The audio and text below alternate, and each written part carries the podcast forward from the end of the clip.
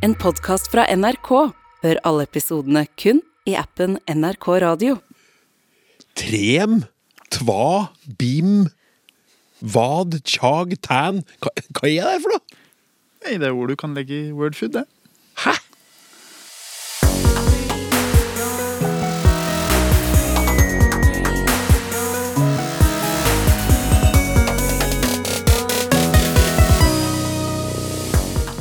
Betyr egentlig uttrykket 'i og med'? Hvorfor blir noen sprø av språklig skurr, mens andre ikke bryr seg i det hele tatt? Når var det begrepet 'å bygge ned' begynte å dukke opp overalt? Og hva syns du om dem som vinner i Wordfeud eller Scrabble med rare ord de ikke aner hva betyr sjøl engang?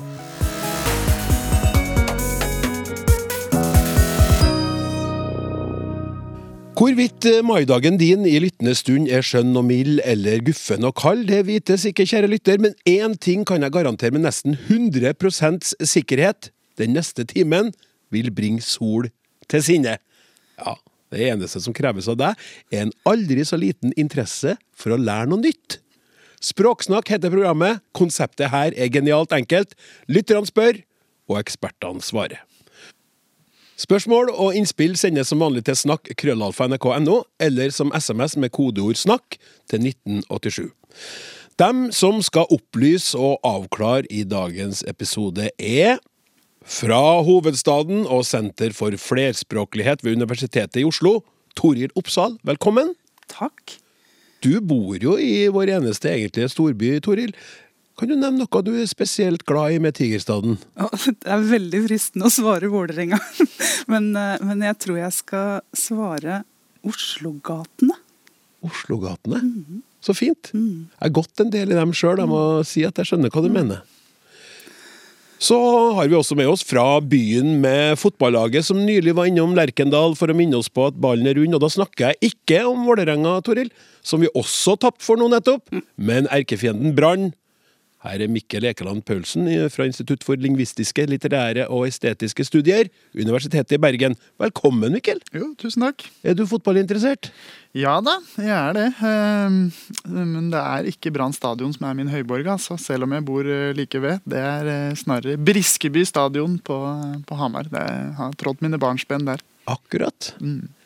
Godt å vite. Så til en eh, språkforsker som er så heldig å bo i en av verdens aller vakreste byer, sett med lokalpatriotiske briller. Mari Nygaard, Institutt for lærerutdanning, NTNU i Trondheim. Hvis du, gud forby, ikke skulle ha bodd her i Trondheim, Mari, hvor i verden ville du vært? Det er veldig vanskelig å forestille seg å bo noe annen plass enn Trondheim i det hele tatt. Men eh, jeg tror det måtte ha blitt Frankrike. Jeg har en fortid som fransklærer, og har fransk som litt sånn hjertespråk, så jeg tror jeg måtte ha funnet meg en eh, liten hyggelig landsby i Provence, eller Åh, det hørtes veldig, veldig hyggelig Ja, ut. ikke Nå så- Ja, det så dere syns det sjøl, og det Ja. smilet der, det var drømmende og fint. Men ikke så blir det som Trondheim. Nei. Takk skal du ha. Merci beaucoup, Marie. Da setter vi i gang. Språksnakk med Klaus Sonstad. Hei, Språksnakk. Jeg har eh, følgende problemstilling til dere. Her om dagen passet jeg mine to barnebarn på åtte år. Vi ventet på mammaen, som meldte at hun måtte innom butikken på tur hjem. Jentene lurte på hvilket klokkeslett hun ville komme, og jeg svarte da. I og med at hun skulle innom butikken, blir hun nok litt senere enn Tora på åtte år spør da hva betyr i og med, mormor? Jeg merket at det var vanskelig å gi henne et godt svar, og lurer på om språksnakk kan hjelpe meg. Hva kommer dette uttrykket av, og hva betyr det eksakt? Takk på forhånd for svar. Marit Leland. Jeg antar at da Marit er mormor til tvillinger, eh, men det spiller jo ingen rolle her, Mikkel. Du skal nå svare på hva hun lurer på. Ja, jeg skal forsøke å gjøre det. Ja. Ehm, Det eh, er jo ikke så rart at en åtteåring eh, stiller litt eh, spørsmål her, og dette spørsmålet kunne like gjerne kommet fra en voksen. Det kommer jo litt fra Marit her òg. For det er jo et uttrykk som betegner noe vi verken kan se eller høre. Du kan ikke peke på og si 'der er en i og med', eller 'nå gjør jeg i og med'. Skal vi gjøre litt i og med i kveld? Det, det, går ikke. Uh, I og med betegner snarere en, en, logisk relasjon mellom ulike ting som vi nevner i sammenhengen. Mellom ulike situasjoner som vi omtaler da med språk. Og Vanligvis er sånne uttrykk litt vanskelig å, å forklare, men akkurat i og med var faktisk ikke så vanskelig. For det er definert som en, med, altså, som en følge av Eh, så, som en følge av at jeg skulle på butikken, kommer jeg litt seinere. Så det er årsaken til at jeg kommer litt seinere. Så det i og med peker på den årsaken. Eh, og for et barn på åtte så er det kanskje lettest å forklare det ved å bruke et synonym. Så du kan si 'fordi mamma skulle på butikken', så kommer hun litt seinere. Eller 'siden hun skulle på butikken', så kommer hun litt seinere. Her fins det mange valgmuligheter. da. Og da vil jo åtteåringen kanskje også spørre hvorfor sier vi ikke bare for de eller siden, da? ja, det kan du spørre eh, om. I og med har nok et litt videre bruksområde enn for de, eller litt, litt annet bruksområde, men det er synonymt i visse sammenhenger. Mm. men i og med er ganske fleksibelt. da. du kan f.eks. føye det inn midt i en setning uten å bruke for mye tid eller plass. Jeg kan f.eks. si Språksnakk er jo, i og med Klaus, et overraskende folkelig program. Jeg flirte av Toril. Ja. jeg, vet, jeg, vil ikke spørre om hvorfor du har flirt, men du flirte. Ja. jeg tror ikke jeg kan si språksnakk er jo fordi Klaus et overraskende folkelig program. Nei. Det kan jeg nok ikke si. Der har du forklaringa, rett og slett. Ja, tusen takk skal du ha, Mikkel. Håper både mormor og de to ungene blir fornøyd med det svaret.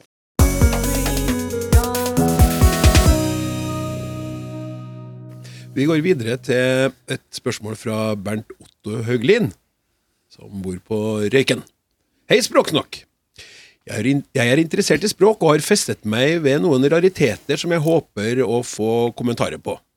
Uh, og han har sendt inn flere rariteter. Vi tar for oss en her, og så sparer vi den neste. Bruken av uttrykket 'tross alt' synes jeg er litt rart. Man kan jo for eksempel si 'han er jo tross alt den beste til å utføre dette'. Altså Best på tross av hva? Ligger det noe forsterkende eller bekreftende i dette uttrykket? Faktisk hadde det kanskje vært like dekkende. Jeg håper på kommentarer, skriver Bernt Otto. Og ditt håp eh, blir hørt. Eh, Mari, vær så god. Takk. Eh, ja, fin observasjon, syns jeg. Jeg støtter meg. Eller jeg støtter det han har observert. For det er en betydningsnyanse, tenker jeg, mellom tross alt og faktisk. Om enn den er ikke så veldig, veldig sånn radikalt, radikalt tydelig. Men hvis man tenker på at man har blitt plukka ut til et eller annet, da, så hadde jeg jo blitt mer glad hvis jeg hadde blitt plukka ut som den faktisk best kvalifiserte, enn den tross alt best kvalifiserte. Det må jeg jo si. Eh, for faktisk, hvis vi går til ordbøkene, så er faktisk kjernebetydninga til det er noe som grunner seg på et faktum. Noe som er virkelig, og som finnes liksom i virkeligheten. Det er på en måte den hovedbetydninga til faktisk. Men så er det også lista opp en annen sånn, litt sånn side- eller underbetydning som, der det står det er brukt for å understreke at noe er tilfellet fordi det kan virke usannsynlig eller være uventa. Så den liksom ligger og lurer litt i bakgrunnen, da. Ja. Eh, sant å si, utrolig nok, eller til og med, eller noe sånt. Går vi til tross alt, derimot, så er jo det nettopp kjernen i betydninga til tross alt. At det er brukt for å si at noe, noe skjer eller forekommer, men at det skjer liksom i strid med det som nå ble det litt teknisk, da, det som er uttrykt ved preposisjonens utfylling. Altså eh, som en slags sånn innrømmelse. Selv når alt som kan tale imot det, tas i det betraktning, så tross alt er det sånn. Så du er lykkelig, da tross alt. Ja, Da lurer du jo et eller annet bak der, ikke sant? Eh, det er man ikke det er Bra spørsmål fra en du sitter og prater med en god venninne, for ja. du forteller litt om samlivet og sånn, ja. så blir det litt sånn men, ja, Så du, du, er lykkelig, da, tross alt? Tross alt, ja. ja jeg, jeg tror så det er litt sånn, du burde egentlig ikke vært så lykkelig, høres det ut som ut fra alt det du nå har fortalt.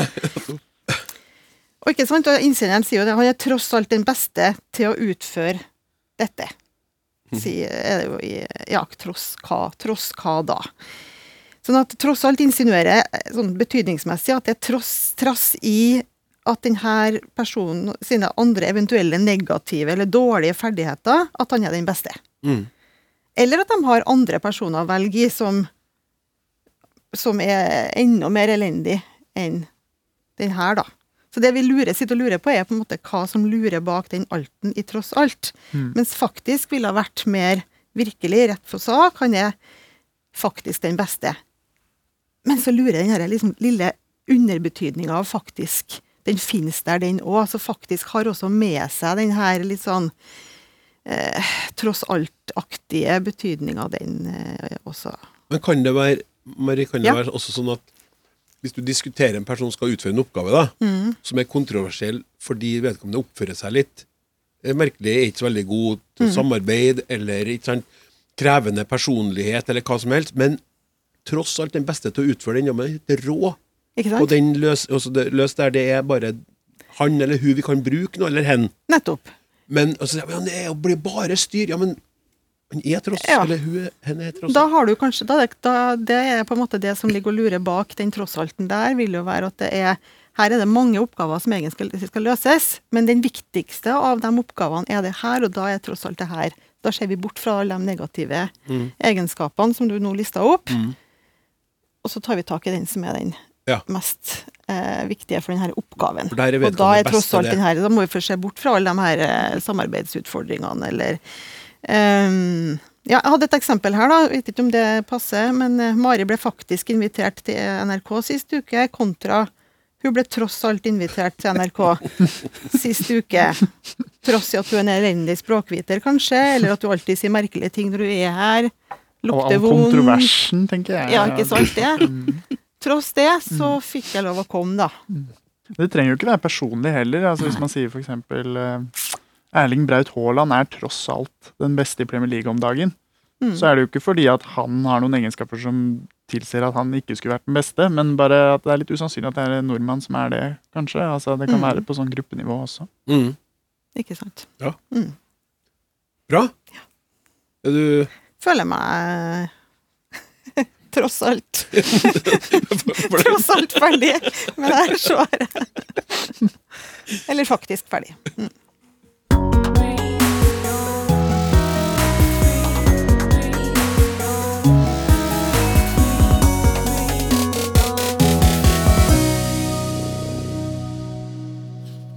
Hei! Jeg er dessverre blant dem som irriterer seg mye i språkutviklingen. Blunkefjes. I det siste har jeg registrert noe nytt spørsmålstegn, og irriterer meg over, og særlig når det er skrevet av journalister.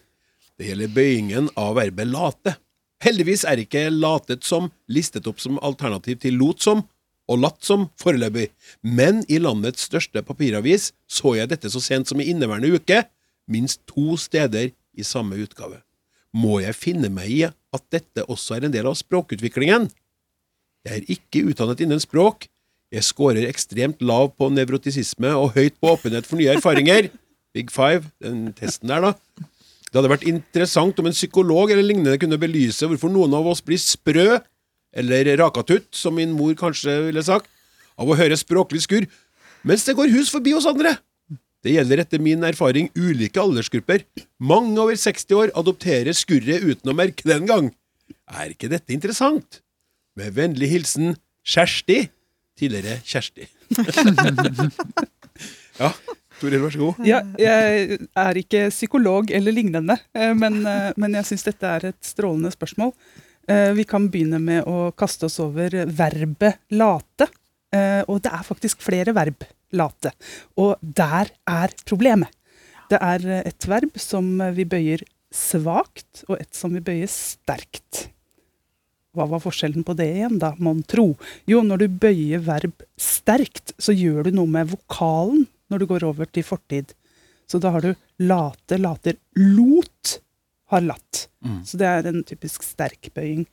Og når du bøyer noe svakt, så beholder du vokalen, og så legger du gjerne til en sånn ja, dentalsuffiks, det er et fint ord. En sånn endelse hvor du er litt borti tenna i fortid. Så du later, og du latet, eller lata, som jeg kanskje ville sagt, og har latet, eller lata. Ja. Eh, og så har jeg en huskeregel. hvis du later deg, så er du svak. Eh, eh, så, så det der med å eh, drive dank og ligge og late seg, det er den som skal bøyes svak i henhold til normen. Men så har jo lytteren her lagt merke til at flere, og til og med journalister, eh, bruker den svake bøyninga på det sterke verbet eh, late. Eh, og det kan bety mange ting. Men én kjernebetydning er vel å late som. så jeg sitter her og later som om jeg har noe å melde. Mm. Men jeg kan også late livet hvis det går riktig ille. Og jeg kan uttale meg og late ille om noe. Så det er mange, mange, mange betydninger mm. dette verbet kan uttrykke. Og det henger også sammen med et annet verb, å la. Mm. Så du kan jo la noen i stikken, f.eks. Ja. Men her er det et sånt klassisk eksempel på at sterk bøyning blir svak. Og det har vi sett mange, mange eksempler på gjennom språkhistorien. Det er rett og slett eh, den sterkeste vinner, men her i form av den svakeste. Så den svake bøyninga tar over og tar mer og mer plass og brer om seg. Men er det, er det godkjent? Er det greit? Mm, eh, ikke hvis du slår opp i en ordbok. Nei. Så derav sprøheten. Ikke sant, Mari? Mm. Ja. Og du vil veldig sjelden få Eller ja, at sterke tar overhånd på samme måte, da. Sånn at uh, du får ikke så mange eksempler på 'jeg lot meg'. Som, lå og altså, lot jeg, meg på sofaen. lå lot meg på og sola mm. meg. Ja. Mm. Men det skjer ikke. Nei. Nei. Da ville det sterke tatt over for det svake. Mm. Uh, men, men, litt av grunnen til at noen blir sprø, det er jo nettopp at dette handler om normer, og det handler om regler. Og det er det vi trenger for å fungere sammen. Mm. Eh, sagt litt alvorlig, faktisk, men som et samfunn så trenger vi normer for å bygge et fellesskap. Mm. Og når noen da bryter de normene, så, så, så er det noen som reagerer. Eh, og det handler om eh, identitet, selvfølgelig, og det handler om respekt, og det handler også om estetikk. Altså Man har lært seg noe, man har satt seg ned og brukt tid på, ja. på å tilegne seg et mønster. Og så er det noen som bare gir rakkeren i det. Men her er det kjempeviktig å skille mellom kunnskapsløshet og slurv. Mm. Ja. Det tror jeg er kjernen her. Fordi, Tenker du at det er slurv, eller? Her tror jeg nok det er et stort element av slurv, ja. men også at man er på kanskje vitne til en generell språkendring. Mm. Eh, og de overlapper av og til, akkurat de to der. Jeg kan rekke opp hånda og si at jeg reagerer også veldig veldig sterkt på slurv en del ganger. Mm. Og jeg er sånn som skvetter hvis jeg ser for mange kommafeil. Eh, men samtidig så sitter jeg også og rister på huet over en del, av og til må jeg si litt eldre kollegaer, som sitter og rakker ned på veldig mange språkfeil i tekster som handler om alvorlige og såre temaer. Mm. F.eks. på Fjasboka eller Facebook. Mm. Mm. Det, det syns jeg ikke noe om. Nei, det er veldig enig med. Jeg, jeg, jeg, kjenner meg også godt igjen i det andre beskriver, og som gammel avisjournalist så jeg har kanskje nevnt det tidligere også, det sånn, Vi hadde jo korrekturavdelinga før, som vi fikk hjelp av. Vi hadde folk som var veldig gode, og som gjorde det på en bra måte, og som, som renska og rydda i språket vårt før det kom på trykk. Og så lærte vi av det. Mm. Og så er det også et større tidspress i dag. De, ofte så har journalister mange plattformer de skal levere stoff på. Før så hadde vi kanskje bare den ene utgaven ikke sant, som var papir, mm. eller, mens nå er det mye sånn at jeg tror det er høyere tempo, og, og nyheter skal ut fortere. og og sånn kanskje preger det, men jeg tror det er veldig viktig også der at man ikke har den språkrøkten, da. Mm. Eh, I tillegg til alt det andre. Jeg har også sett det samme. At man driver og kommenterer uh, dårlig språk i meldinger som handler om noe alvorlig og trist. Er, ja. Det er ganske spesielt. En egen sjanger. Mm, ja. Samtidig så er jo det et av kanskje de mest såre eksemplene på at her blir det viktig. Altså at vi er nødt til også å tenke på form. Fordi mm. formen der skygger for innholdet. Mm. Uh, Mm. Jeg tenkte på å skulle si at det, det, er jo et eller annet med det muntlige og skriftlige i, eh, i denne diskusjonen Jeg irriterer meg jo mer over skriftlige tekster enn jeg irriterer meg over sånn feil, feilaktig bruk mm. muntlig, som vi jo ikke egentlig skal si at vi har, da, for det er jo ikke noe språknormering muntlig. Nei, men det er jo også noe mange irriterer seg over feil muntlig språk. Ja. Det har vi jo mange eksempler på, ja. og også spørsmål som kommer inn. Og der er jo Facebook og sosiale medier litt sånn hybrid folk, Det er jo skriftlig, men det er ikke redaksjonelt. Det er jo en litt sånn Folk skriver ofte ganske muntlig. Skriver altså, ganske ja. muntlig, ikke sant. Så da Blir det da riktig å korrigere det? Skal det få lov å være litt muntligaktig? Ja. Men nå er vi jo Det, det virker som det er tre stykker her nå som eh, på en eller annen måte eh, blir irritert eller eh, legger merke til Hvordan er du, Mikkel, når du leser tekster sånn? Har du, har du noe sånn at du får sånn Å, det der gjorde vondt i språkforskerhjertet mitt. Det er ikke språkforskerhjertet det gjør vondt i, tror jeg. Eh, det er nok bare det alminnelige hjertet. Eh, eh, ja, absolutt. Og jeg kan jo distansere meg fra, eller ta avstand fra en tekst hvis den er full av eh, visse typer eh, feil, som man kan si. da. Det vi er vitne til, er jo at flere skriver oftere også. Og vi ser jo mange flere som skriver nå. Og det gir jo Jeg prøver å tenke at det er jo et lyspunkt der òg. At eh, det er flere som får mye skrivetrening. Eh, så, på, så det er jo visse sider ved da tekstene til eh, Hvis du tar en person da, som eh, for 50 år siden kanskje ikke ville skrevet i det, nesten i det hele tatt. Mm. Som da jeg vil tro blir på en måte gradvis litt bedre, da. Ved at de får mye skrivetrening. Det er ikke sikkert at det er komma og tegnsetting som blir bedre, men det kan hende at det er noe med sånn skriftlig kreativitet og sånn som blir bedre når du får mer skrivetrening. Ja. Veldig mange, eh, når de snakker om et godt språk, så, så handler det først og fremst om å unngå feil. Men jeg syns eh, det handler også om å gjøre riktig. Altså klare å beskrive ting på en kreativ og flott måte. Ha et rikt eh, vokabular. Det er mye sånt også som eh, Ja. spiller inn på om en tekst er god eller ikke, da, syns jeg. Og så lenge den skribenten i en gitt situasjon viser at han eller hun har brukt tid og gjort sitt beste for å overholde de reglene vi har blitt enige om for at dette skal fungere, da er det greit. Altså, Da, da syns jeg et og annet uh, verb i endring eller et feilplassert komma er noe vi kan leve med. Ja. Men bare sånn at det er helt akkurat nå, så latet som Det dropper vi, hvis vi skal gjøre det riktig. Med mindre du liker å drive dank. Ja, det er greit. Ja, takk. Mitt navn er Line, og favorittordet mitt er bøker. Fordi det er vel ingenting annet som kan, kan gi så mye uten at man trenger å flytte seg fra der man er.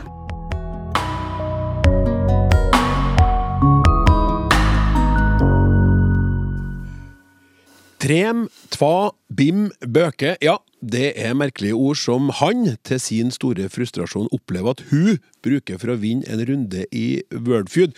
Ifølge innsender så vet ikke kona hva ordene betyr engang, hun vet bare at de funker i spillet. Synes dere det er rettferdig at hun skal vinne gang på gang med hjelp av slike skitne skitne knep, spør lytteren vår, og jeg gleder meg stort til vi straks skal ta den diskusjonen. Men først må vi kikke litt på Tjone her. Det kom inn masse meldinger, eh, både på SMS til 1987 med kodeord 'snakk' og til snakk.nrk.no om det her. Så først til Kirsten. Tjone har ingenting med stakkarslighet å gjøre, men med å kose med, kose med eller eh, noen. Det er ikke nødvendig å bruke engelsk uttrykk for å forklare et norsk, da, skriver jeg også. Og tjone betyr på gammelt eh, hadelandsmål å slite, arbeide tungt, derav også et tjon. Et slitsomt arbeid. Og nå må jeg bare understreke til dere at uh, skrives nå da i dette tilfellet med TJ, og så eh, fra Kirsten så er det KJ. Uh, så en eh, SMS. Hei, hørte dere snakka om ordet tjonsk? I Språksnakk nylig. Da jeg vokste opp i Bindal på, på Sør Helgeland på 50-tallet, brukte vi verbet å tjon. Ungene tjona i lag på stuegulvet. Det betydde på min dialekt at ungene lekte så fint i lag på stuegulvet, ikke mange lekerom på den tida. Men vi hørte at det kunne oppstå misforståelse med folk utenfor bygda, for i andre nærliggende dialekter betydde ordet å kline. Eller hvis du lurer på hva det er, hooke. Ungdommene liker å tjon. Mange slike ord jeg savner fra barndommen. Vi brukte bruker f.eks. ordet spik for å knuse noe. Nei, nå spika i koppen glasset. Ja. Og så en annen SMS. Kjære herr Sonstad og kumpaner, et innspill til tjonsk. På gårdene hadde man før tjoner, dvs. Si korntørker, egne bygninger på litt avstand fra andre bygninger, der man gjorde opp varme for å tørke kornet. Et gammelnorsk rot er kylna har sikkert gitt opphav til det engelske kiln, ovn, så fellesnevneren med kjonsk er noe varmt lunt. Ei kjone måtte egne seg for hygge i høst- og vinterkvelder. Vennlig hilsen Bjørnar Hassel. Og så en siste SMS. Bestefaren min, født i 1911 eller 1912, brukte å Uttrykket å tjone, å sitte og tjone seg, kunne være å leke for seg selv, pusle med noe greier, om han satt og tegna eller gjorde noe tilsvarende unyttig, men av underholdnings velværeverdi i øyeblikket for den som gjør det. Det er fantastisk stas at dere er så på. Eh, har dere noe mer å si om Tjone, så ikke vær redd for å sende inn til oss. Vi kan godt ta en oppfølger her. Eh, SMS altså til 1987 med kodeord 'snakk', eller 'snakk' krøllalfa nrk.no.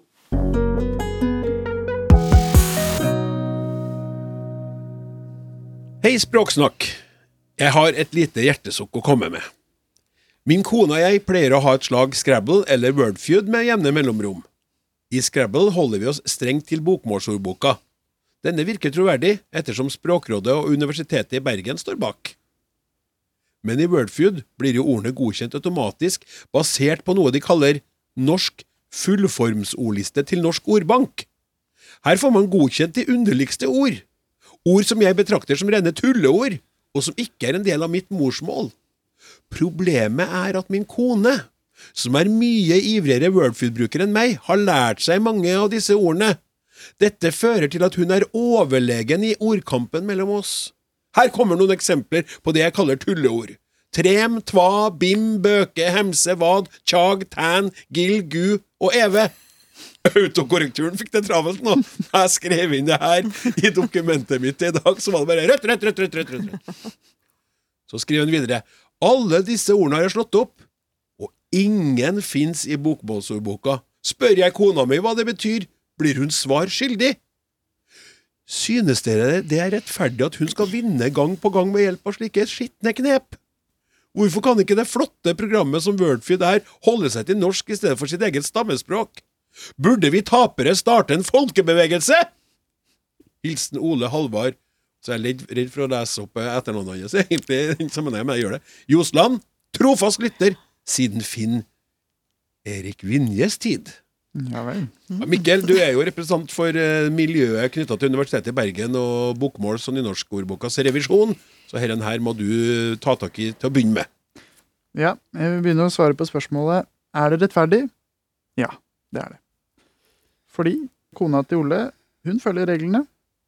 Eh, og så kan man si ja, noen spillestiler er kanskje mer eh, høyverdige enn andre. Eh, det er kanskje flottere å legge ordene brosme, baume, baune og basun enn tjag og tann.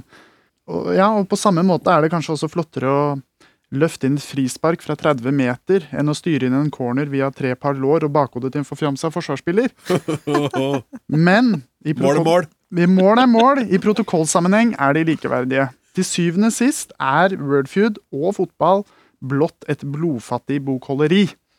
Du, jeg må bare si at alle vet jo hva en scoring betyr, og en seier betyr i fotball, men når du ikke vet hva ordet du driver og legger i Wordfeud egentlig eh, betyr i det hele tatt Jeg kjenner du blir irritert på deg når du sier det der. Jeg skal prøve å hjelpe deg med den siste biten her, da. Snakke på overordna plan, da, så finnes det ingen åpenbar avgrensning for en liste med ord i norsk. Altså, hva er grensene for norsk? Det, er, det finnes egentlig ingen fasit på det. Bokmålsboka og nynorskboka, det er ikke fasiten. Altså, det er et utvalg av de mest sentrale orda som man tenker at uh, norske språkbrukere trenger å vite om. Uh, og der også er det et kapasitet, en kapasitetsbegrensning. ikke sant? Eh, vi har ikke uendelig med finansiering av ordbøker, og derfor så kan vi ikke legge inn absolutt alle ord som er i bruk på norsk. Så da er kanskje spørsmålet er det alle ord som er i bruk, da. Kanskje, men der igjen. Eh, vi har jo islett av eh, engelsk og svensk og mange andre språk i norsk hele tiden, så eh, der igjen så blir det vanskelig å sette en sånn definitiv grense, da. Men det som Norsk Scrabble-forbund har gjort, for det er faktisk et Scrabble-forbund, de har lagt seg på det man kan si er en liberal linje. Og de, bruker mange kilder for å generere sin ordliste. Viktigst er kanskje den som du nevner, Norsk fullformliste til Norsk Ordbank. Den lista er automatisk generert, eh, heldigvis. Fordi den er så lang, så det, hvis noen skulle gjort det arbeidet manuelt, så ville det vært eh, umåtelig tidkrevende. Men den genererer jo da både hvilke ord vi har, og bøyninger av de orda. Så Mm. det er viktig å huske på. Mm. Og der blir det også et spørsmål hvilke bøyninger er mulige. Du kan ha for eksempel, Hvis du har et substantiv som snø, da, kan du bøye det i flertall. Snøer, snøene. I prinsippet kan du bøye substantiv i flertall, men gir det mening for alle substantiv? Kan du snakke om uh, guller og gullene til substantivet gull? Eh, litt sånn støy ligger det inne i den lista. Da, at det, det finnes noen bøyningsformer som for en vanlig språkbruker høres, høres eh, fullstendig vanvittig ut. Men så I tillegg til den lista da, så har de også eh, lagt inn ord fra Store norske leksikon, Wikipedia, Artsdatabanken, Tanums store rettskrivingsordbok og Norsk ordbok. Og Til sammen blir det et kjempestort tilfang med ord. Og Jeg vil jo si at det er artig med flere ord. Det gir mer fleksibilitet i spillet. Men Ole er kanskje uenig. eh, men det jeg skal prøve Kanskje. nå, da, er i hvert fall å forklare hva disse ordene Ole nevner, hvor de kommer fra. Hvorfor de er godkjent. Eh, og da kan vi begynne med trem. Eh, det står i alle fall i Norsk ordbok, og der betyr det lukt og smak, eller dask, smell. Oi. Så det er min beste teori på hva det betyr. Toril, du hadde en annen teori. Jeg på, kan jeg få lov å gå ett skritt tilbake, Mikkel? Ja, Fordi jeg kan jo da avsløre at jeg var jo litt med i dette her Scrabble-forbundet helt i starten. Du- du har vært med Eh, jeg i- har, i Scrabble-forbundet, eh, Ja, du. Har en fortid der. må jeg, nå må jeg da tone flagg og si at eh, jeg var også så heldig en kort periode å få være med i Norsk Scrabble-forbunds språkkomité. Oi, Oi. For de har en egen språkkomité, og det er mange år siden jeg var med der. Eh, og Jeg håper dere kan invitere språkkomiteen en annen gang, men, men, men jeg tror de vil være veldig fornøyd med den beskrivelsen du ga, Mikkel, av det arbeidet de har gjort. For det er jo nettopp det å finne en best mulig liste som dekker ord vi kan legge. De tok utgangspunkt altså i Tanums rettskrivningsordbok, var den største lista da de begynte. Men når man da fikk muligheten til å jobbe også med store korpus og gå videre og bygge ut med åpne kilder, så var det et ganske raffinert avstemningsarbeid. Det var også manuell jobbing, som du sier. Ikke bare automatisk generert, men her sitter folk faktisk og, og stemmer, viser til kilder og jobber mange hundre dugnadstimer for å få denne lista, som nå altså, Forbundet har autorisert opptil åtte bokstavers ord, faktisk. Så Altså, her er det mye Så man jobb. jobber knallhardt på dugnad for å skape fred i heimen For å skape da. fred i heimen og unngå litt sånne underlige bøyningsformer. Og når det er sagt, så har jeg også funnet trem, men i Tanums rettskrivningsordbok, Ja. eh, som en variant til tram. Eh, Altså, på så, så, begge deler, ja, så, Ja. så begge deler er nok Ja, belagt der ute i, ute i Mm. verden. Ja. Mm. Mhm. Ja, og så Da går jeg videre med orda. du har da twa, eller twa, jeg vet ikke helt hvordan jeg skal uttale det. TWA står det da her. TWA det er en samlebetegnelse på seminomadiske jegere og sankere i Kongo, Uganda, Rwanda og Burundi. Ja, ja, ja, selvfølgelig. grei. selvfølgelig. Nå kommer det, nå rinner det meg i huet. Ja, ikke sant? BIM eh, den har jeg ikke funnet i lista til Norsk Scrabble-forbund, så det kan godt hende at den ligger inne som en feil. Eh, Min beste gjetning er at det har sammenheng med simsalabim. At, eh, Mens jeg mistenker at her har vi Det norske akademis ordboks bim, bam, bum, altså klokkene som ringer. Den Ja. første, første klokkelyden eh, kan være bim i dette tilfellet. Ja. Klokkene klemte Det er ikke bim, en bam, bom. forkortelse for bim med limme, altså. Som er det, den lettversjonen av bommel- bommelom. Ja, da kan du jo Som verb, da. Bim. Ja. Ja. Her har vi allerede tre, ja. her har vi allerede tre Ja. for, ulike forslag på BIM, så det Ja. må i hvert fall være greit. Og det er i hvert fall i bruk. Ja. I hvert fall i bruk. Bøke. Bøke, eh, det står i Norsk ordbok. Eh, det kan enten bety vette som dei pla skrema born med, eller busemann. Eller det kan bety virka virke av bøk, som kanskje er litt vanskelig, vanligere, vil jeg tro. Ja, og jeg tror vi finner denne her også i Naob, ja, som en sånn eh, skjeggete, bustete vette. Ja. Litt Som deg, eh, En Ja, ja, ja. Klaus. Kjempebøkemann og teknikk! Hemse, eh, det betyr blant annet å få skikk på seg, og hemse seg. Det står bare i den nynorske boka og i Norsk ordbok. Den Ja. sto i Tanums niende utgave som en variant av hems. Ja, Og det er det eneste det som jeg kjenner igjen litt fra trønder. Vi ser vel hemse med hemse, at Ja. du herjer med det. Mm, Sånn, det, det, det er det jeg kunne ha tatt og brukt sjøl her. Ja. Ja, Og så har vi dette WAD. WAD. eh, Det er eh, en generell mineralogisk betegnelse for sekundære manganoksider som opptrer i porøs form. Eller et pulver. Litt, enklere, litt enklere sagt. Dere to sammen her nå. Eh, Kjag. Vi må, vi må øke tempoet litt her nå. Imperativ for tjage, som betyr å mase. Tjag kan også være substantivert og betyr masing. Tan. Tan, rett og slett slang for solbrun. Fin, få fin tan om sommeren. Oh, Gil. Gil, øl som står og gjerder. Eh, Gu, kortform av Gud. Som i- Gud! Gu, hvor herlig! Å, gud, for en dag! Ja. Og Eve, eller Ewe, folkestamme i Ghana og Togo. Ja. Jeg må bare legge til at det er jo fantastisk altså En bieffekt av dette her, og av spillet, og av denne ekteskapelige krangelen, er jo at språksnakkister får lov å snakke om ord. Altså Det skaper jo et engasjement for ord. I spillet er det ikke viktig hva det betyr. Det er viktig hvor mange bokstaver det har, hvilke bokstaver det har, og hvordan man kan stokke dem. Eh, og enhver sport bør man kunne trene på, og her har Scrabble-forbundet en fantastisk liste. Som også ligger til grunn for Wordfeud, ikke sant? Ja, Absolutt. Det er ikke juks! Jeg beklager. Altså, Ole må ikke klandre Ja. kona. Altså, hun har, at hun har lest seg på mineralogiske betegnelser og folkestammer i Afrika, det, det må jo være til hennes fordel, tenker jeg. Ja, men det var litt av problemet at hun ikke hadde det, da. Nei. Eh, Det var- ja, så jeg, må jeg må jo erkjenne at jeg, eh, det, det her er grunnen til at jeg ikke kan spille Wordfeud, for jeg har blitt sånn som Ole. Blir irritert, okay. ja. ja, Men, ja, men, men sånn, ja, det som, så hvis vi kan møte begge litt her, da så For Ole, Ole Halvard må se seg sjøl litt i speilet. ikke sant? Bedre jobb for å komme opp på konas nivå. Men så hadde det jo vært utrolig kult, og sikkert enda mer irriterende for han hvis han hadde sagt 'tva'! Tva, hvorfor har du lagt det ordet? Og så sier hun jo. Det er jo en sånn afrikansk Og så hadde han visst det i tillegg. Det må jo bli helt den ultimate fornedrelsen. Favoritt-semien Det der ordet har du ikke en. Jo, det er et mineralsk pulver, faktisk. Det, det er et mineralsk pulver. Og så sjekker man. Ja, det er det.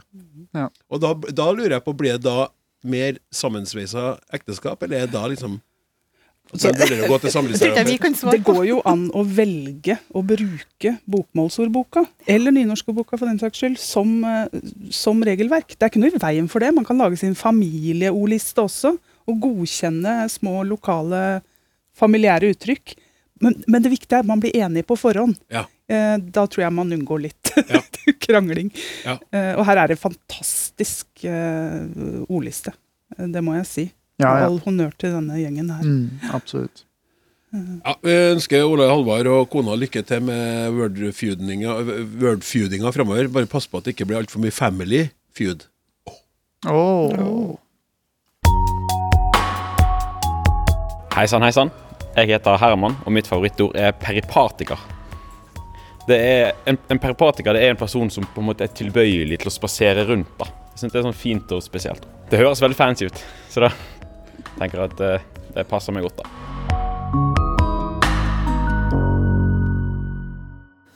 Ja, vi skal fortsette med litt eh, familierelatert eh, innhold her. Hei, Språksnakk! Min kone og jeg bor i Oslo med våre to barnehagebarn. Vi kommer opprinnelig fra henholdsvis Kristiansand og Trondheim, med våre dialekter mer eller mindre ivaretatt. Enn så lenge plukker barna fritt fra dialektene de er omgitt av, noe som kan være ganske søtt og fornøyelig. I det siste har vår datter på, vår datter på fem år begynt å gi nesten alle hannkjønnssubstantiver a-ending i bestemt form entall. Det vil si hun kan si skoene står i ganga. Skoene står i ganga. Hvor er balla? Som i ballen, altså. Kan vi gå ut i haga? Etc. Kan dette være et uttrykk for eh, feminisme, hvor hannkjønn konsekvent blir behandlet som hunnkjønn? Men eh, hvem har mest skyld i dette? Trønderen eller sørlendingen? Nå begynner jeg igjen, vet du. Ja. Eller kan vi samles om en felles fiende i østlendingen? Vi har gjort vårt beste for å anklage hverandre, men kommer ikke til enighet. Takk på forhånd for hjelpen med å avgjøre denne viktige saken og sikre familiefreden. Vennlig hilsen Anders Bostad, som ikke nevner navnet på sin kvinne. Mari, nå må du holde tunga rett i munnen. Ja. Her står, eh, der, nå står det mye på spill her. Oh, ja. Jeg må starte med å si at uh, som patriot, trøndere har jo aldri skylda. Så det er bare sånn at den er parkert med en gang. Det, det, kommer, det, det kommer ikke på tale. Ja, og så regner jeg med at skoene, det var ikke en del av det som det ble spurt om her. Det var ganger og baller og sånn, for skoene Ja, det det, sånn trøndersk Det er vel jo egentlig ikke Det er jo en flertallsform av hannkjønn. Ja. Skoene, for eksempel. Med Ganga og baller, ja. ja. så Haga. det er nok ikke en hunnkjønnsform. For det første er det jo typisk sånn barnespråksperiode at man driver og prøver ut forskjellige former, forskjellige grammatiske former, og så Eh, Så det er jo helt sånn alderstypisk og veldig morsomt å observere og følge med på at å ja, nå kan det, kan det være at det skal bøyes sånn på alle ord, da. Skulle tro at alle ord skal få den typen A-ending. Prøve med det, og så finner jeg ut etter hvert at ja, kanskje de rundt meg, de, de hadde ikke A-ending på alle ord, de. Nei, de hadde noen de hadde EN-ending på, og noen hadde de A-ending på. Det må være et annet type system. Og så vil den femåringen sannsynligvis få mer språklig input, som vi hører, kaller det. Og kanskje etter hvert kom dit at det blir noen ord som blir A, og noen som blir EN. Eller, altså det vil utvikle seg etter hvert. Men i det stadiet som den femåringen er i, så driver hun og prøver ut og finner ut hva som skal være hennes grammatikk, egentlig. da. Hennes personlige grammatikk. Og at den skal, som vi snakka om tidligere, være i takt med systemet til dem, ja, om det blir systemet til der hun bor, da, og med litt påvirkning av foreldre osv. Så, det er jo den biten som handler om språkutvikling mer sånn generelt. Og så er det veldig fristende å slå til på det forslaget om feminisme, selvfølgelig. Eh, at hunnkjønn er i ferd med å ta over eh, sånn grammatisk, sånn som i resten av verden. Det er jo i utgangspunktet for. For det kan jo se ut som at hunnkjønnet er litt i ferd med å bre om seg her, da, ut fra det, det lille datamaterialet som innsender har. At hunnkjønn brer om seg, det går i grunnen imot det som eh, en del type forskning på feltet viser akkurat nå, da. Ja vel.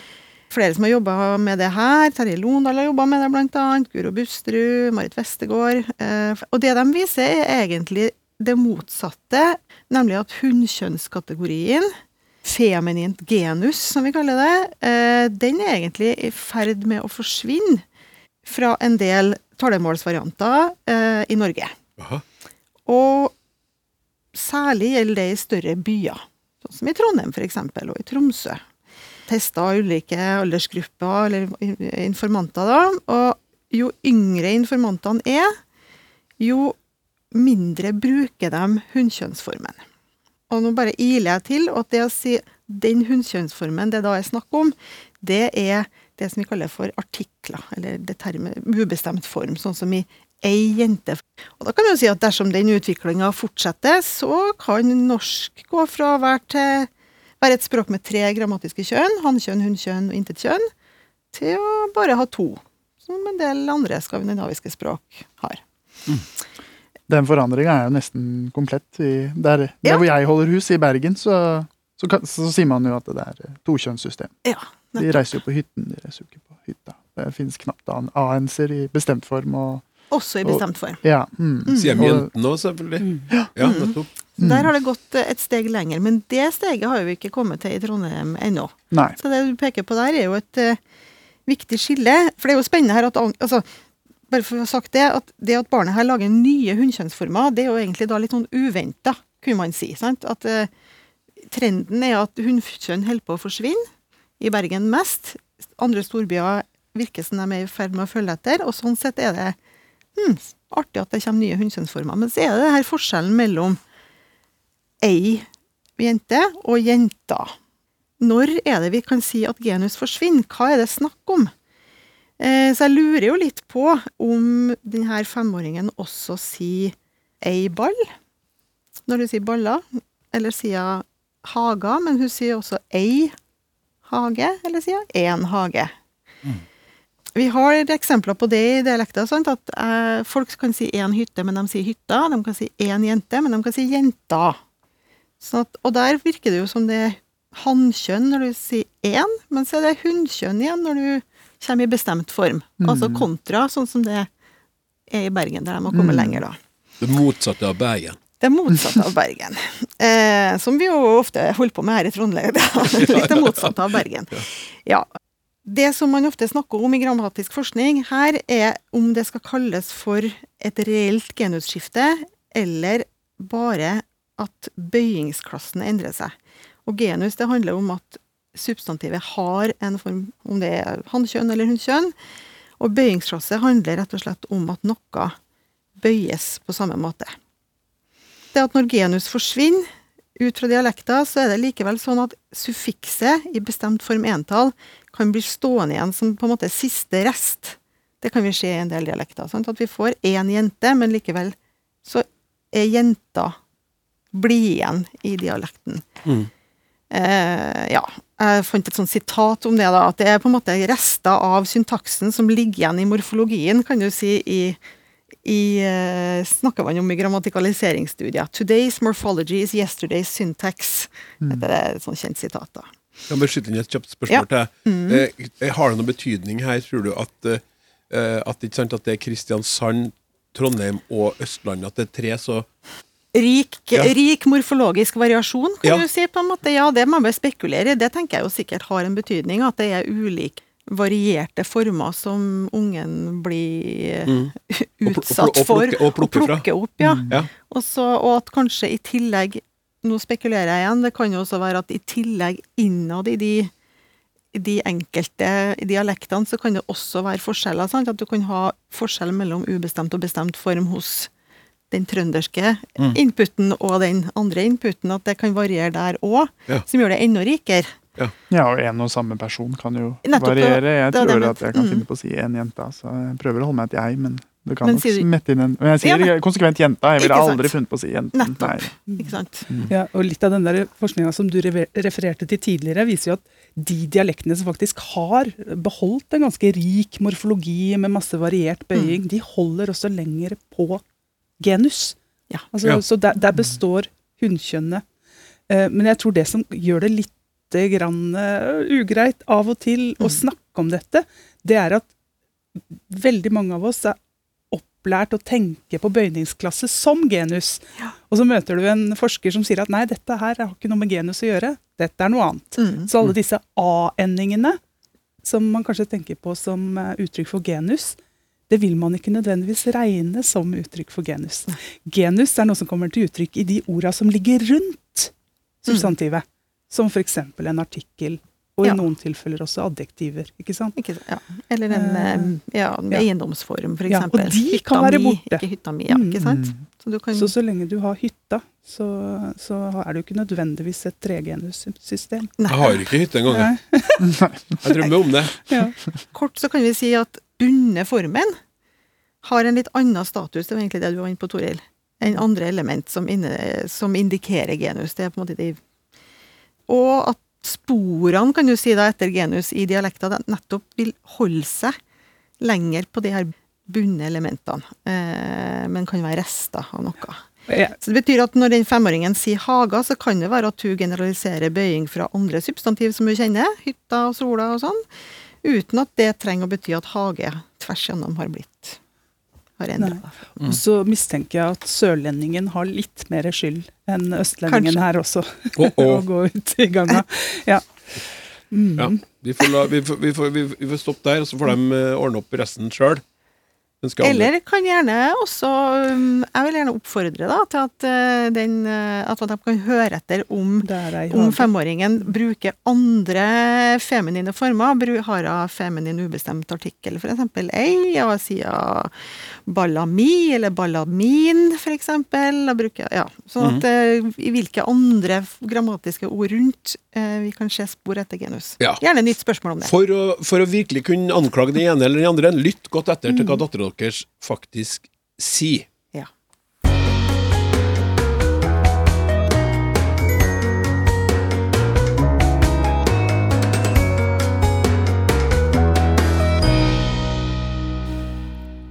Hei, Klaus og språkforskerne i Språksnakk. Det kan alltid sies mye om språk, ikke minst eh, kan eh, hva vi sier eller hvordan vi sier det, fortelle noe om hvordan vi tenker. En ting jeg lurer på, er hva du og forskerne du inviterer til programmene synes om bruken av begrepet å bygge ned. Det dukker opp overalt, i skrift så vel som i tale. Politiet vil bygge ned det de beskriver som barrierer mot å anmelde lovbrudd. I Morgenbladet for 18. og 19. februar 2023 skriver samfunnsøkonom og journalist Maria Berg Reinertsen, hvis artikler jeg ofte leser med stor interesse, om å bygge ned naturen i Lågendeltaet ved Lillehammer. Dette er bare to eksempler av svært, svært mange. Det er mulig jeg kan bli beskyldt for å være en grinebiter eller helt på bærtur, men for meg har ordet bygge en positiv klang i form av at det er noe man setter opp eller konstruerer, som eksempelvis et, et hus eller en bro. Det politiet vil gjøre, er imidlertid å rive ned stengsler eller- forestillinger som gjør at folk ikke anmelder lovbrudd. Ifølge Reinertsen risikerer regjeringen Støres beslutning angående firefelts motorvei ved Lillehammer å skape store problemer for dyr og fugler som har sitt hjem i Lågendeltaet. Vi kan komme til å ødelegge natur vi bør ta vare på. Avhengig av hvor problematisk en firefelts motorvei gjennom deltaet vil være for naturen, kunne vi sågar kanskje snakke om å rive ned, rasere, jevne med jorden, utslette osv. Så, langt håper jeg ikke det går. Dersom jeg ikke får medhold i min klage over nevnte ordbruk, håper jeg i alle fall at jeg får vite hvordan man bygger ned noe. Jeg ser det nemlig ikke for meg.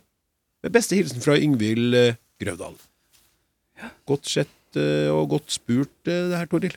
Det er godt sett og godt spurt. Um, jeg skal prøve å bygge opp et svar.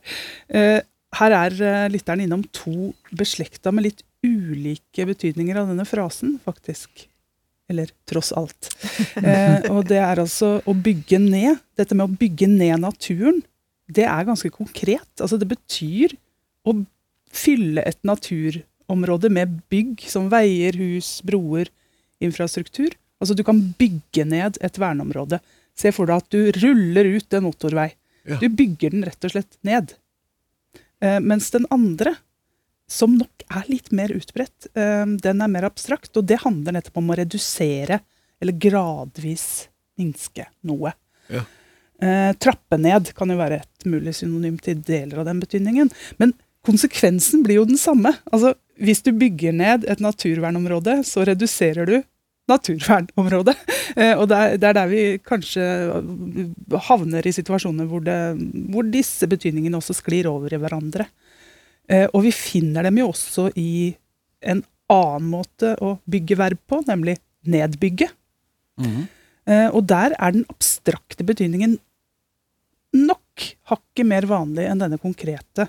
Men eh, flere av ordbøkene våre har også med eksempler på at eh, jordbruksarealer er blitt nedbygd rundt norske byer, f.eks. Eh, og bygge, etymologisk, henger sammen med bo i utgangspunktet. Det er altså å befolke et sted. Og der kan vi også se for oss at vi ja, vi, vi tar litt plass.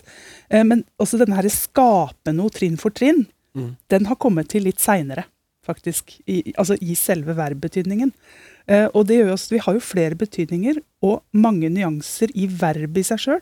Og de blir om mulig enda mer nyanserte når du legger til adverb som ned eller opp Mm. eller ut. Eh, så ja, bygge er for så vidt noe positivt, men du kan også bruke det til å dekke over eh, og mose ned en liten myrsnipe her og der. Ja. Eh, og så er det jo spørsmålet hvorfor velger man å snakke om å bygge ned? Eh, kanskje man kunne valgt å si noe helt annet? Ja, jeg, er jo, jeg gir jo medhold i klagen at dette er eh, eh, litt sånn kamuflerende politikerspråk, kanskje. Eh, det, er jo, det er jo utvilsomt sånn at eh, politikere tenker mye på hvordan de skal eh, ordlegge seg. Deres hensikt er jo å ordlegge seg på den måten at man støter fra seg minst eh, velgere, eh, naturlig nok. Da er det i den settingen er det selvfølgelig gunstig eh, å ordlegge seg på en måte som kanskje framstiller noe som er ganske uheldig og kritikkverdig, på en mer nøytral måte. Ikke sant? Ved å velge dette uttrykket 'bygge ned', så vinkler de jo virkeligheten på en litt annen måte. ikke sant? De, de fokuserer heller, vi, vi, vi dreier hele søkelyset mot det som er litt positivt. Vi skal jo bygge noe her. Vi skal jo bygge den der motorveien, istedenfor å snakke om at eh, det er jo tross alt ganske mye natur som skal gå dukken. Det vi har tenkt å gjøre nå, det er å rasere, eh, altså rett og slett jevne med jorden og utslette store deler Ja, ja, ja, av Lågendeltaet for å bygge en vei. vi skal Eh, vi skal eh, og- ødelegge eh, mye for å Mhm. skape. Ja. Det hadde vært ganske rart hvis de hadde sagt. Det er veldig rart at de sier det, ikke sant? Ja. Men da tror jeg samtidig programlederen har fått sånn Hva sa du nå? Hva du sa du rett ut hva dere skal gjøre? Liksom helt Ja. 100 ærlig? Ja. Men samtidig så syns jeg det er en viktig oppgave for både eh, journalister, forskere og borgere i allmennhet å passe på ordbruken, at den ikke er eh, misvisende. Og for eksempel så uh, leste jeg for noen år siden en kritikk av uh, at man snakket om at man sendte flyktninger i retur. For i veldig mange tilfeller så så sender du flyktninger til steder de aldri har vært. Og da er det deportasjon, ikke retur. Eh, Returbillett høres eh, så tilforlatelig ut, men egentlig så er det jo noe helt forferdelig for de menneskene det gjelder. ikke sant? Så Mm. der kan eh, politikerne slippe billig unna, da, hvis de ikke eh, blir stilt til ansvar for den ordbruken. Og vi må jo avkreve at de prøver å framstille virkeligheten på en litt saklig måte også. Ja, men nå sier jo du politiker her, så, og vi har jo ikke Reinertsen her, men det er jo en samfunnsøkonom og journalist, da, Maria Berger Reinertsen, som også bruker byggene i en Ja. artikkel. Det er Ja. litt interessant. Ja, eh, Mhm. nå kan jeg jo da fortelle at jeg var en gang med på å gi en språkpris til Maria Berger Reinertsen. Altså, hun er en helt utmerket eh, journalist, eh, slik jeg vurderer det i hvert fall. Og hun bruker det i dette eksempelet på den konkrete måten å bygge ned naturen. Mm. Eh, men det er klart at de konnotasjonene og det at dette her kan da bli en litt sånn mild omskrivning som også kan passe godt til politikerbruk, det er kanskje ikke nødvendigvis noe hun intenderer der og da. Nei. Det vet jeg Mm. ikke. Jeg får gå tilbake og lese disse artiklene. Mm. Ja, for det, det, jeg tror det kommer også litt an på hva som er formålet hennes i den konkrete artikkelen. For eh, hun kommer vel ofte med samfunnsøkonomiske analyser og, og på det planet, og da, da er det ikke sikkert at det i den konteksten at det er så viktig å legge fokus på dette med den naturen som blir ødelagt. Nei. Men hvis hun hadde hatt et rent eh, miljøvernmessig artikkel hvor det var det, den siden av saken hun skulle kritisere, så hadde det vært viktigere å få fram at det er naturødeleggelse. Vi kan jo låne det andre eksempelet fra politiet her og vri litt på det. Si at vi får bygge ned barrierer mot å tenke over ordbruk. Ja, Ja. Ja. For det, det syns jeg var interessant òg. Sånn, der, der, der, der ville jeg kanskje Jeg hadde tenkt at politiet burde ha brukt eh, andre ord for å gjøre det tydeligere hva de egentlig ønsker å oppnå. Mm. Eh, der vanskeliggjør de sitt eget budskap med å bruke byggene, syns jeg. da. Mm. Eh, rett og slett eh, i klarspråkets eh, I ånd. klarspråkets ånd. Var det noe mer du ville legge til, til tross for at eh, du virker som du er ferdig, eller er du faktisk ferdig? Nå er jeg nedbygd. Du er ned, ned, nedbygd.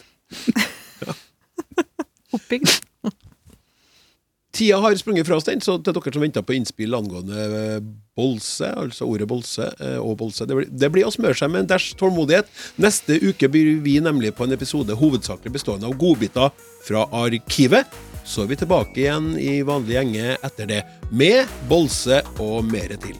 Tusen takk til språkforskerne, takk til deg som hørte på. Jeg heter Klaus Sonstad. Vi snakkes.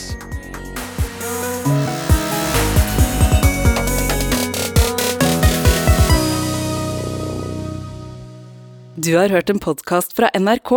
Hør alle episodene kun i appen NRK Radio.